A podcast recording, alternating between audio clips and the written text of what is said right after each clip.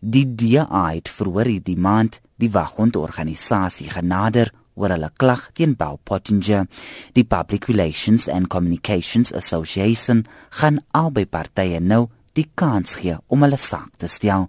'n Woordvoerder vir die DA, Marshall Fredericks, sê die DA gaan hulle volle samewerking aan die waghond gee. The DA welcomes the PRCA's decision to institute a disciplinary hearing into the conduct of Bell Pottinger following a complaint by the DA's Pumzile Vandam. Both the DA and Bell's Pottinger are now required to submit summaries of our cases and copies of all documents to be considered as evidence within 10 working days.